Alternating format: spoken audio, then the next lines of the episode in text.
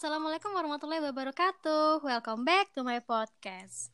Oke, di episode kali ini Kiki nggak sendirian dong. Akhirnya ada juga yang mau nemenin gue kan. Oke, kali ini Kiki bakal ditemenin sama Uhti cantik. Um, mungkin sedikit cerita. Kita itu kenal karena kita itu satu jurusan. Terus pada masanya kita itu di satu organisasi yang sama. Oke, langsung aja deh. Ini dia Prihayati.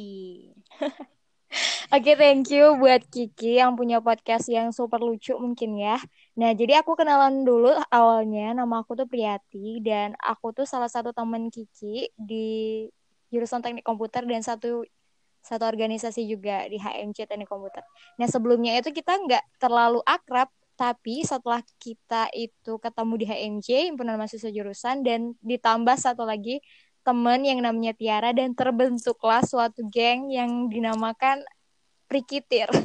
Pada masanya sih guys, itu sebenarnya ya uh, buat Kiki, terima kasih juga udah ajak aku di obrolan kita kali ini, dan okay. mungkin obrolan apa sih yang uh, mau kita perbincangkan pagi pagi hari ini?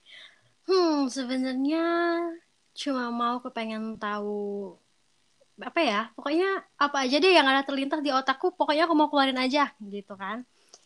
Uh, mungkin sedikit menambahkan kita pada saat itu juga kenal karena salah seorang pokoknya ada salah seorang lah di sana.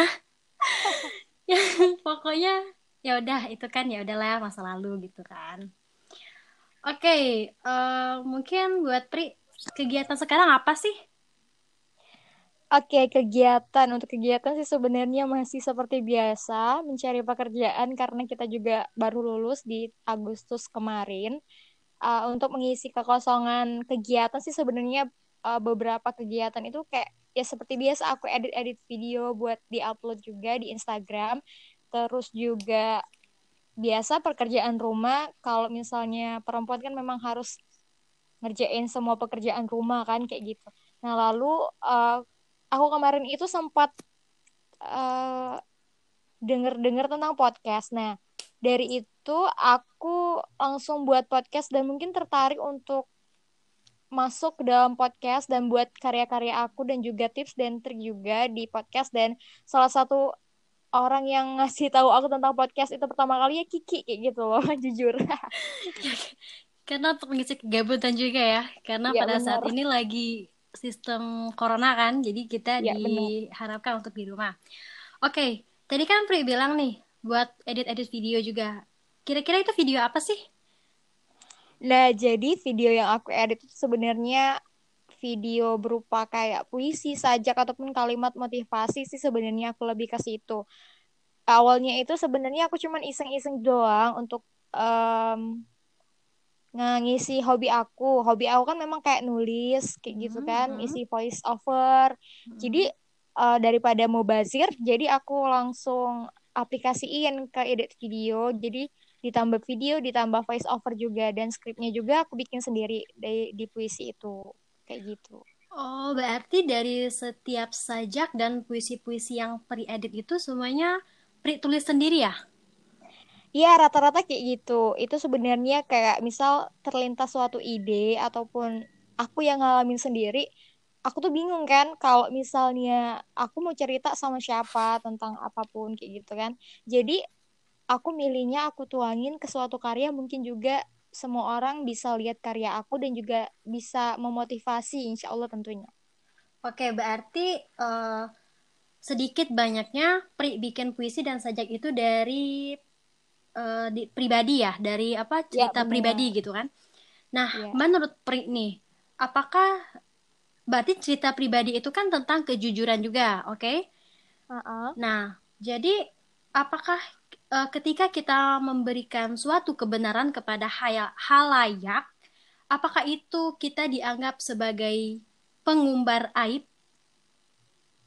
menurut Pri gimana Oke, sebenarnya mungkin kebanyakan orang kalau misalnya kita tuangin apa pun masalah kita dalam suatu karya dianggapnya kayak ih dia ini sok gimana ataupun sok uh, pengen dikasihanin ataupun sok sok sok-sok apa pun. Nah, tapi menurut aku kalau kita menuangin kejujuran ataupun hal yang kita rasain dalam suatu karya itu ada suatu kepuasan tersendiri. Nah, kepuasannya itu bukan untuk dinilai terlalu mengemis perhatian dari orang lain, tapi di situ lebih condongnya ke ingin mengajak ataupun memberikan motivasi untuk orang-orang lain juga yang merasakan hal yang sama seperti aku. Yuk kita uh, move on dari masalah itu dan semangat terus untuk ngadapin masalahnya kayak gitu oh, sih iya. sebenarnya. Berarti uh, berarti dari pembicaraan Pre tadi ya berarti sah-sah aja dong kalau kita mau hmm. uh, mau berbagi cerita, berbagi pengalaman sama setiap orang kan dan kita juga menyebarkannya gitu. Berarti kita sah-sah aja dong gitu kan nggak ada yang salah kan dari semua yang kita pembicarakan itu. Iya sih kalau misalnya kita uh, mau nuangin semua hal yang kita rasain itu sah-sah aja uh, di dalam uh, apa hal yang kita tuangin itu pasti ada batasannya dan mm-hmm. kita juga harus tahu batasan apa pun yang kita sampaikan itu apakah melukai orang lain mm-hmm. ataupun kata-kata yang kita sampaikan itu sedikit menyinggung seperti mm-hmm. se uh, seperti itu sih sebenarnya lebih ke menjaga perasaan juga kalau mm-hmm. misalnya kita mau melontarkan kejujuran mm-hmm. karena juga kalau uh, kita terlalu over ataupun terlalu uh, bersifat menyindir seperti itu sebenarnya mm-hmm. terlalu membuat apa yang kita sampaikan itu lebih terkesan negatif ataupun buang-buang waktu sih untuk orang lain. Mm-hmm. Oke. Okay. Tapi menurut Pri nih, Pri lebih suka kejujuran yang menyakitkan atau kebohongan yang membuat kesenangan diri sendiri? Oke, sebenarnya itu antara dua hal yang susah untuk dipilih. Tapi uh, dalam kenyataannya, kejujuran yang berisikan sebuah kepahitan itu lebih baik. Kenapa saya bilang begitu? Karena suatu kebohongan itu tidak ada yang baik. Walaupun seperti setiap orang tuh kayak bilang, ah nggak apa-apa sih bohong demi kebaikan. Tapi menurut aku, bohong demi kebaikan itu nggak ada kayak gitu. Tapi pasti ujung-ujungnya bakal tahu orang yang kita bohongin itu. Karena kita pernah dengar kan uh, sepandai-pandai tupai melompat pasti akan jatuh juga begitu juga nih kebohongan yang kita tutupi kayak gitu loh. Oke. Okay. Berarti sebusuk-busuknya bangke pasti masih kecium juga ya kan? Nah, benar itu nah. salah satu juga itu. Oke. Okay. Majornya. Um, uh, gini, Pri itu kan suka banget tulis-tulis. Kita balik lagi di ini ya. Kita balik lagi dengan penulisan Pri tadi tentang okay. puisi. Uh, Pri tadi kan bilang kalau Pri itu pernah voice note voice note gitu kan? Ya, pernah nggak Pri voice sama orang lain? Kayak kirim kayak gitu ya? Ya, ya mungkin kirim atau kolaborasi lah gitu. Oh ya, kalau kolaborasi sebenarnya banyak yang ngajak di Instagram, tapi aku tuh nggak terlalu uh, sempat buat terlalu nanggepin tapi pernah kok aku collab sama salah satu pemilik akun Instagram yang suka juga tentang puisi saja aku lupa namanya akunnya apa tapi yang pasti dia itu dari luar Palembang dan cowok nah waktu itu aku juga kebetulan punya ide buat kayak sajak puisi dialog jadi uh, sepotong aku aku yang bilang dan sepotong lagi orang itu yang bilang.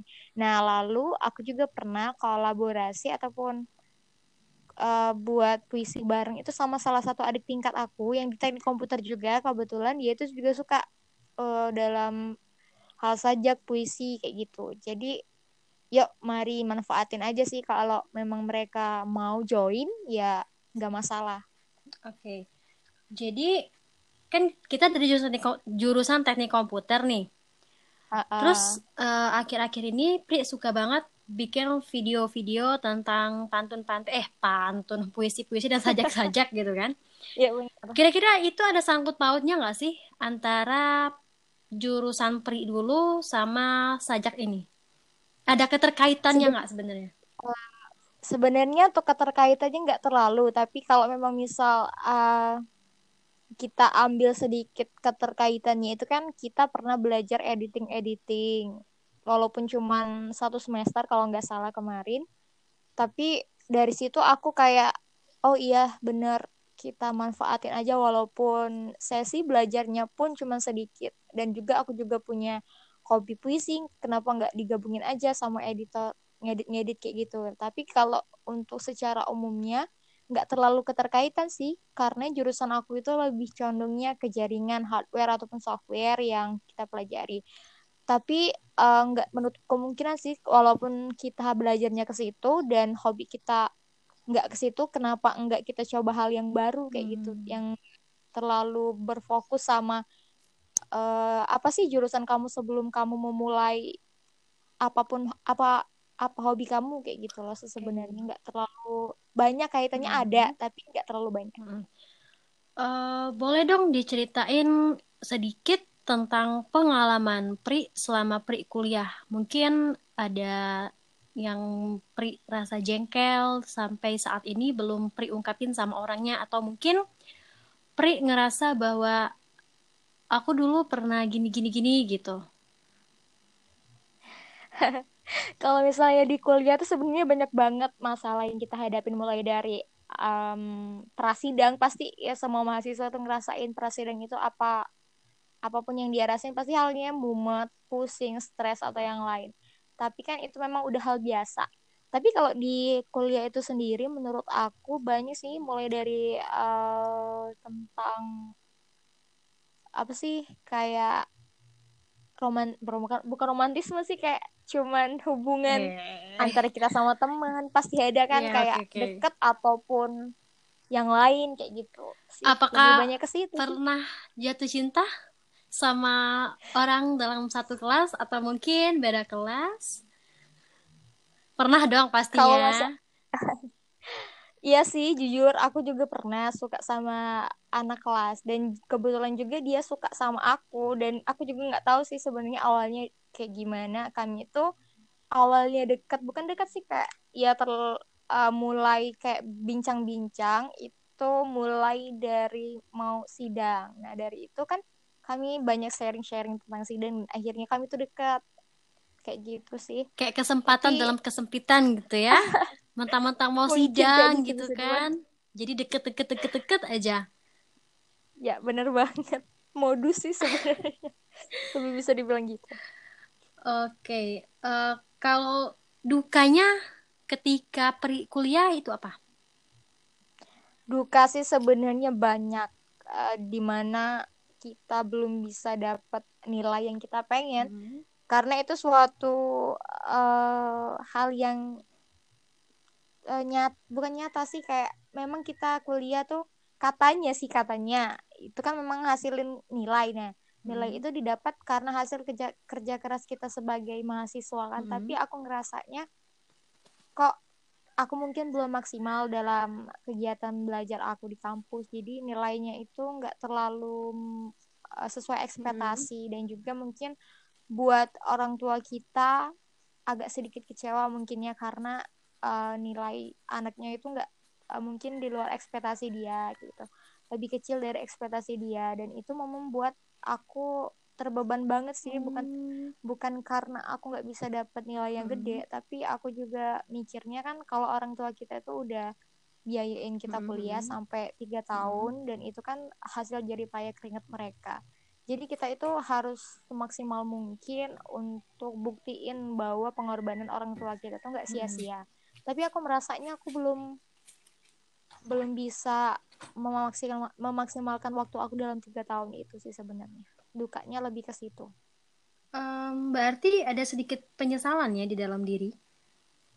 Iya bener banget. Aku ngerasa nyeselnya karena kok waktu aku awal-awal kuliah tuh mungkin terlalu aku anggap santai dan terlalu bilang ah nanti aja nilai kan nggak perlu dikejar hmm. walaupun memang sejatinya kalau misalnya kita nyari kerjaan itu kan harus uh, memang punya skill nggak hmm. terlalu lihat nilai kayak gitu sih. Tapi memang setiap setiap yang kita lakukan itu pasti ada penyesalan walaupun ya. itu sedikit sih. Tapi kan itu juga harus jadi motivasi buat Pri dan jangan sampai gara-gara kegagalan tiga tahun itu jadi Pri selalu memikirkan kegagalan itu. Benar? Benar banget dan aku sekarang mikirnya ah ya udah deh udah tiga tahun itu mungkin jadiin motivasi buat kamu bisa lebih maju lagi lebih berpikir positif terus dan gak uh, menyepelekan suatu hal yang walaupun notabene itu hal yang iya. kecil yeah. tapi harus kita tetap pro, pro, prioritaskan hmm, bener-bener banget okay. uh, eh, dari semua cerita Pri tadi, apakah Pri ini udah merasa puas dengan semua yang sudah Pri lakukan untuk ke depannya atau memang Pri masih ada yang mesti harus Pri perbaiki?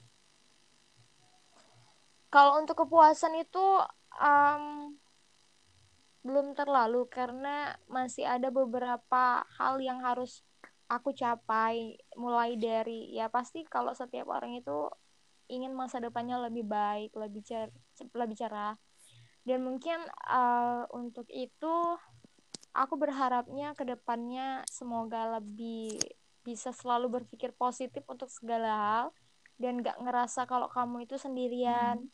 dan juga semoga bisa lebih dewasa lagi dari sebelumnya dan juga mungkin semoga karir lebih baik lagi dan menjadi pribadi yang lebih baik lagi sih sebenarnya. Untuk kepuasan sendiri belum karena memang masih banyak yang perlu diperbaiki dalam diri ini dan mungkin ini waktunya buat kita semua hmm. yang merasa kalau diri diri kamu uh, mempunyai suatu kekur bukan kekurangan suatu yang harus harus diperbaiki yuk mulai dari sekarang karena kalau misalnya kalian nggak mulai dari sekarang kapan hmm. lagi dan kalau misalnya bukan dari diri kalian sendiri untuk melakukan perubahan kalian mau minta bantuan siapa hmm. lagi kayak gitu karena semua hal yang pengen kamu dapetin harus dimulai dari diri kamu sendiri seperti itu. Oke. Okay. Sebenarnya cita-cita per ini apa sih? kalau dibilang cita-cita sih ya ampun dari mulai dari SD SMP SMA sampai kuliah itu kayak berubah-berubah gitu dari awal aku tuh pengen banget jadi hmm, jadi ini apa sih namanya apakah jadi seorang dokter penulis. oh enggak penulis ternyata Pri ini suka menjadi penulis ya aku kira Pri itu suka jadi dokter gitu-gitu. Soalnya kan anak-anak SD kalau ditanya menjadi apa? Jadi dokter. Pasti dijawabnya gitu. Ya benar memang ternyata Pri memang benar ternyata Pri. Maunya jadi penulis. Karena aku mikirnya kok kenapa sih anak-anak tuh pengen jadi polisi jadi polwan jadi guru jadi dokter jadi semua hal-hal yang umum. Kayak kenapa eh, nggak uh, milih jadi seniman kayak gitu misal jadi penulis atau jadi komposer atau jadi apa sih penyair kayak gitu. Kenapa sih kayak itu nah jadi aku mikirnya aku kan juga suka memang nulis dari dulu nulis nulis dari mulai kapan ya mulai lupa sih mulai dari kapan aku suka nulis. Jadi aku tuh aku pengen jadi penulis terus aku tuh berubah lagi pengen jadi dosen lalu berubah lagi jadi mau jadi penyiar jadi MC oh, okay, kayak gitu loh ya sih berubah-ubah untuk cita-cita. Kayak memang kita itu selalu berubah-ubah. Gue juga gitu sih sebenarnya. SD SMP SMA kuliah pun bahkan udah berubah. nah di saat kuliah itu pasti kita mikirnya ya udah deh yang penting banyak uang aja ya kan? Oh, benar. Nah, karena kenapa? Karena ya kalau misalkan kita tadi cita-citanya mau masuk jadi dokter eh otaknya pas-pasan. Masuk fakultasnya juga enggak. Jadi guru apa yang mau diajarin? Ya pokoknya gitu deh. Pok udah pas kuliah ya udah deh yang penting ada uang aja gitu kan? Yang penting seneng aja. uangnya yang penting uh -uh. halal. Jadi Pri itu memang suka nulis. Nah kira-kira ada nggak sih yang memotivasi Pri? Jadi Pri itu seneng banget nulis. Kan kebanyakan orang nih kalau misalkan dia hobinya nyanyi karena aku lihat ini jadi aku pengen jadi kayak dia. Nah kira-kira Pri itu ada nggak sih yang seperti itu pemikirannya? Kalau motivasi aku ngambil motivasi aku suka nulis suka bagiin apa yang aku tulis itu dari kehidupan aku. Dari um, beberapa hal yang aku laluin lalu juga beberapa hal yang aku lewati karena dari hal-hal yang aku lewati itu kan pasti aku punya cerita tersendiri. Dan kalau nggak kita tulis ceritanya mau disimpan di mana kayak gitu. Jadi uh, kenapa enggak kalau aku jadi penulis aku tuangin semua cerita aku. Dan siapa tahu ada yang memang lagi ngalamin hal yang sama dan semoga memotivasi sih. Tapi memang intinya aku jadi penulis itu eh, memang tujuannya memotivasi sih dibalik beberapa hal ataupun masalah yang pernah aku lewatin uh, pasti di dunia ini pasti banyak banget yang ngerasain hal yang sama ataupun lebih lagi lebih berat lagi dari apa yang aku rasain gitu. Lebih kayak mau ngerangkul sama orang yang punya masalah sih yuk jangan jangan murung terus. Yuk keluar dari zona zona sedih kamu. Kayak gitu sih sebenarnya. Berarti kalau Pri sendiri uh, ketika lagi sedih atau ketika lagi masalah berarti Pri menulis gitu ya. Mungkin itu bisa bisa yes, iya ngebuat Pri itu jadi lebih tenang gitu. Ya ada kepuasan tersendiri kalau kita misal nulis nulis. Kan pasti kadang itu aku nulis nulis nulis aja kayak nulis nulis tapi pas aku baca kok bagus gitu. Tapi aku bingung juga sih. Kok uh, karena aku hobi juga nulis dari beberapa uh, masalah ataupun kegiatan yang aku laluin kan beberapa ada hal-hal yang menarik jadi aku langsung tuangin aja. Tapi kalau um, hal itu kurang menarik di aku mungkin nggak terlalu aku uh, tuangin dalam tulisannya kayak cuman oh gini gini gini aja gitu. pernah nggak? Kalau misalkan nih misalkan uh, ada teman Pri yang bercerita bercerita ke Pri tentang masalah dia ada kemungkinan nggak itu memotivasi Pri untuk buat puisi atau sajak Nah, itu beberapa orang ada yang request sih sebenarnya request dong kak, request dong mbak, diceritain lah semua apa pun yang dia rasain. Pernah waktu itu ada yang DM aku lewat Instagram. Dia itu mungkin uh, pernah ngeliat atau dengar puisi aku. Nah lalu dia itu kak, aku ya udah aku cerita aja tentang masalah hmm. aku. Dan lebih banyak ke masalah percintaan hmm. mereka itu bilangnya ke aku kan.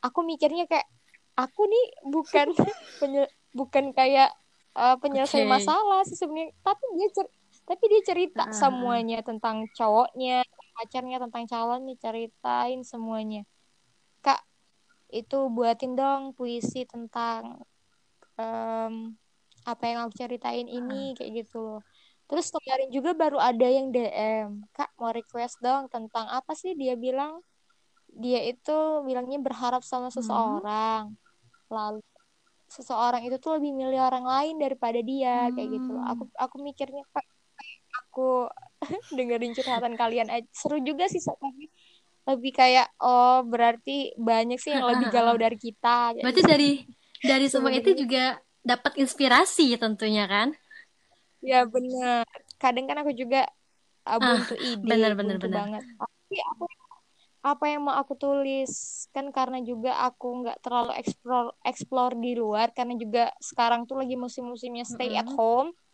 Aku bingung mau nulis apa sih? Mau nulis tentang corona nggak terlalu tahu apa pun apa yang mau ditulis kayak gitu kan.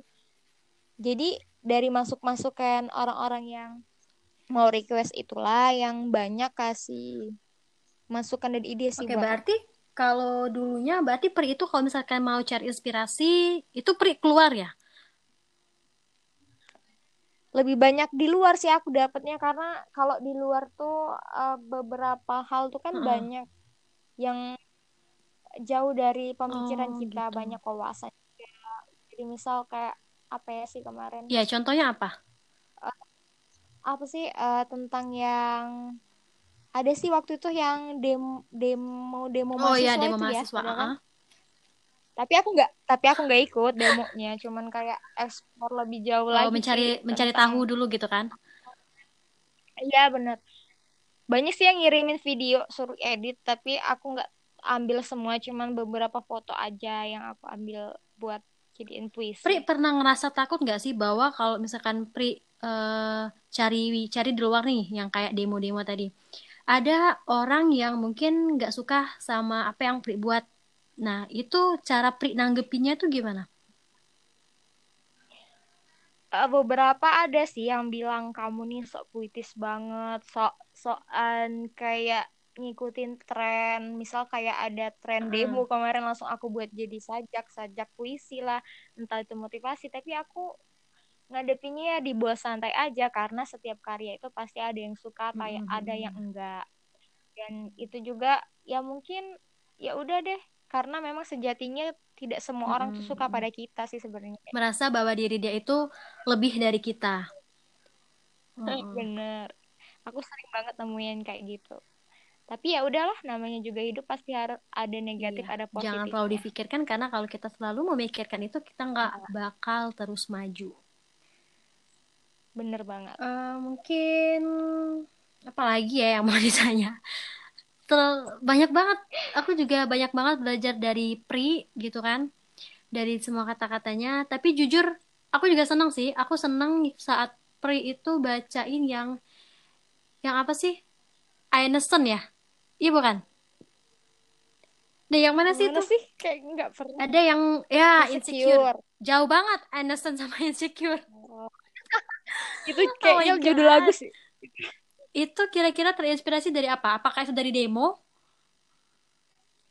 bukan sih insecure Itu lebih apa sih? terlalu Maksudnya ditekan gini, soalnya aku tuh kan gak terlalu mengerti dengan eh, pembicaraan-pembicaraan yang yang apa? Yang puitis seperti itu loh, gitu loh. Aku tuh nggak ngerti sebenarnya, tapi Bener. aku seneng, aku seneng dengernya gitu, karena memang bagus. Tapi jujurnya aku nggak ngerti itu. Kalau yang insecure itu ceritanya itu kayak seseorang terlalu ditekan kayak Hmm. gitu loh dikasih beban yang terlalu berat jadi kayak dia tuh merasa kalau dirinya itu eh, sendirian terus nggak bisa keluar dari tekanan itu sih Hmm. sebenarnya kalau di insecure itu sendiri ceritanya Oh gitu. Kirain insecure itu dari yang demo-demo kemarin. Nah, kalau yang khusus untuk anak muda nih, yang masalah percintaan tadi, kira-kira Pri itu nanggepinnya gimana? Apakah Pri menangkapnya dengan leluasa atau gimana? aku sih bingung ya kalau mau nanggepin tentang cerita-cerita orang muda mengenai masalah percintaan mereka karena mungkin banyak banget jenis-jenis masalah percintaan entah itu diselingkuhin, entah itu di PHP-in, dibaperin atau ditinggal pergi atau yang masih banyak lagi cerita-cerita yang lainnya. Sebenarnya aku nanggepinnya kayak cuman kasih nasihat-nasihat umum aja karena aku sendiri pun mungkin belum terlalu jago sih kalau masalah-masalah tentang hal yang itu. Jadi aku cuma coba buat ah ya udah komen komentar ataupun kasih nasihat seumumnya aja yang awam orang lakuin sebenarnya kayak itu walaupun di dalam diri kita juga ah aku juga belum bisa kayak gini belum Belum ada bisa pengalaman dalam percintaan gitu ya. bener banget Berarti Pri itu lebih ke mana sih gitu? Berarti lebih ke pribadian aja ya, kepribadian seseorang gitu kan? Iya, aku lebih kayak Oke, lebih jadi ke gini. yuk aku Oke, bentar. Jadi gini, gitu. aku baru terlintas. Misalkan aku bercerita nih sama Pri, bercerita tentang kehidupan pribadi aku. Sebenarnya ini tadi udah udah diceritain juga Mm-mm. sama Pri. Tapi aku mau lebih jelas lagi aja. Aku bercerita tentang kepribadian aku. Aku nih bahwa aku nih gini gini gini gini lah pokoknya. Dan aku menyangkut satu orang gitu loh, menyangkut satu orang. Jadi yang aku ceritain tuh bukan tentang diri aku aja, tapi tentang diri aku dan dirinya gitu. Dan aku cerita dong sama Pri. Nah, terus Pri bikinlah itu dalam suatu sajak kalimat. Nah, menurut Pri itu sah-sah aja kan? Eh, ya sah-sah aja sih sebenarnya karena eh, dalam konteksnya itu kayak eh, bertujuan untuk bisa jadi bertujuan untuk menghilangkan pikiran negatif Hmm. kita sama orang itu menuangkan apa yang kita Mm-mm. rasain. Tapi memang Mm-mm. harus ada batasnya. Kata-kata yang kita pilih, kata-kata yang kita tuangin dalam video sajak itu harus uh, s- uh, Mm-mm. sebatas wajarnya. Jangan kak, misal kak kita lagi kesel sama orang, Mm-mm. kesel banget, kesel-kesel, bener-bener kesel dan punya masalah yang gede sama dia. Ah, aku tuangin dalam tulisan dan isinya itu bukan puisi sebenarnya, lebih kayak ke mendeskripsikan Ya. kejahatan. Ya benar, menyindir dan mendeskripsikan kejahatan Mm-mm. orang itu sama kita. Jangan sih sebenarnya karena kalau misalnya kita share ke medsos, misal dia baca Mm-mm. dan kok dia gini sih lebih dan dia juga ngerasanya memang saat itu ada masalah Mm-mm. sama kamu. Jadi dia mikirnya kayak oh berarti dia kalau punya masalah sama seseorang menghakimi lewat suatu konten Mm-mm. yang dia buat dan di share di medsos dan biar semua orang itu Mm-mm. tahu kayak gitu lebih condongnya ke menyindir secara Mm-mm. terang-terangan sih saya Mm-mm. aku kira kayak Ya gitu. itu memang aku alamin. Untuk saat ini itu aku alamin. Ya nggak apa-apa. Aku senang kok orang yang kayak kayak aku senang. Karena kenapa aku senang? aku lebih menyukai orang yang jujur menyakitkan daripada yang jujur tapi sok-sok jujur aja gitu. Oh, nggak apa-apa, nggak apa-apa kan Pri ngomong kayak gitu ya. Aku aku nggak masalah. Tapi uh, kalau menurut aku sih itu kita kembali ke niatnya, niat si orang ini. Orang ini kira-kira ngapa sih bikin gini ki gara-gara apa? Emangnya kenapa? Emangnya ada masalah apa gitu aja. Dan yang pastinya jangan mendengarkan dari satu orang. Benar? Hmm. Karena yang punya misal, misal nih kan yang punya masalah tuh aku sama si dia. Harusnya kalau misalkan Pri mau menuangkan, harusnya kan kita harus tahu ceritanya dari dua-dua orang ini, bener? Jadi kita nggak salah juga dong. Oke. Okay. Ya, Karena aku tuh orangnya nggak suka basa-basi aja gitu. Langsung aja deh. Langsung aja ya kalau lo suka ya, oke. Okay. Kalau lo nggak suka, ya udah kita bicarain pakai kepala dingin. Aku nggak, aku nggak suka emosi kok ya, kak. ah, yang dingin, dingin aja biar seger, biar adem gitu kan.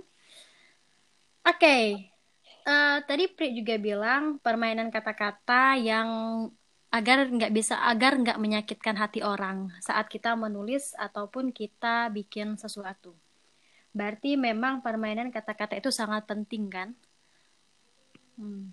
Berarti juga mm -hmm, kita benar. tapi kita juga nggak bisa dong untuk menyalahkan seseorang bahwa ini mulut kasar banget sih gitu karena ya memang itu kepribadian dia sendiri.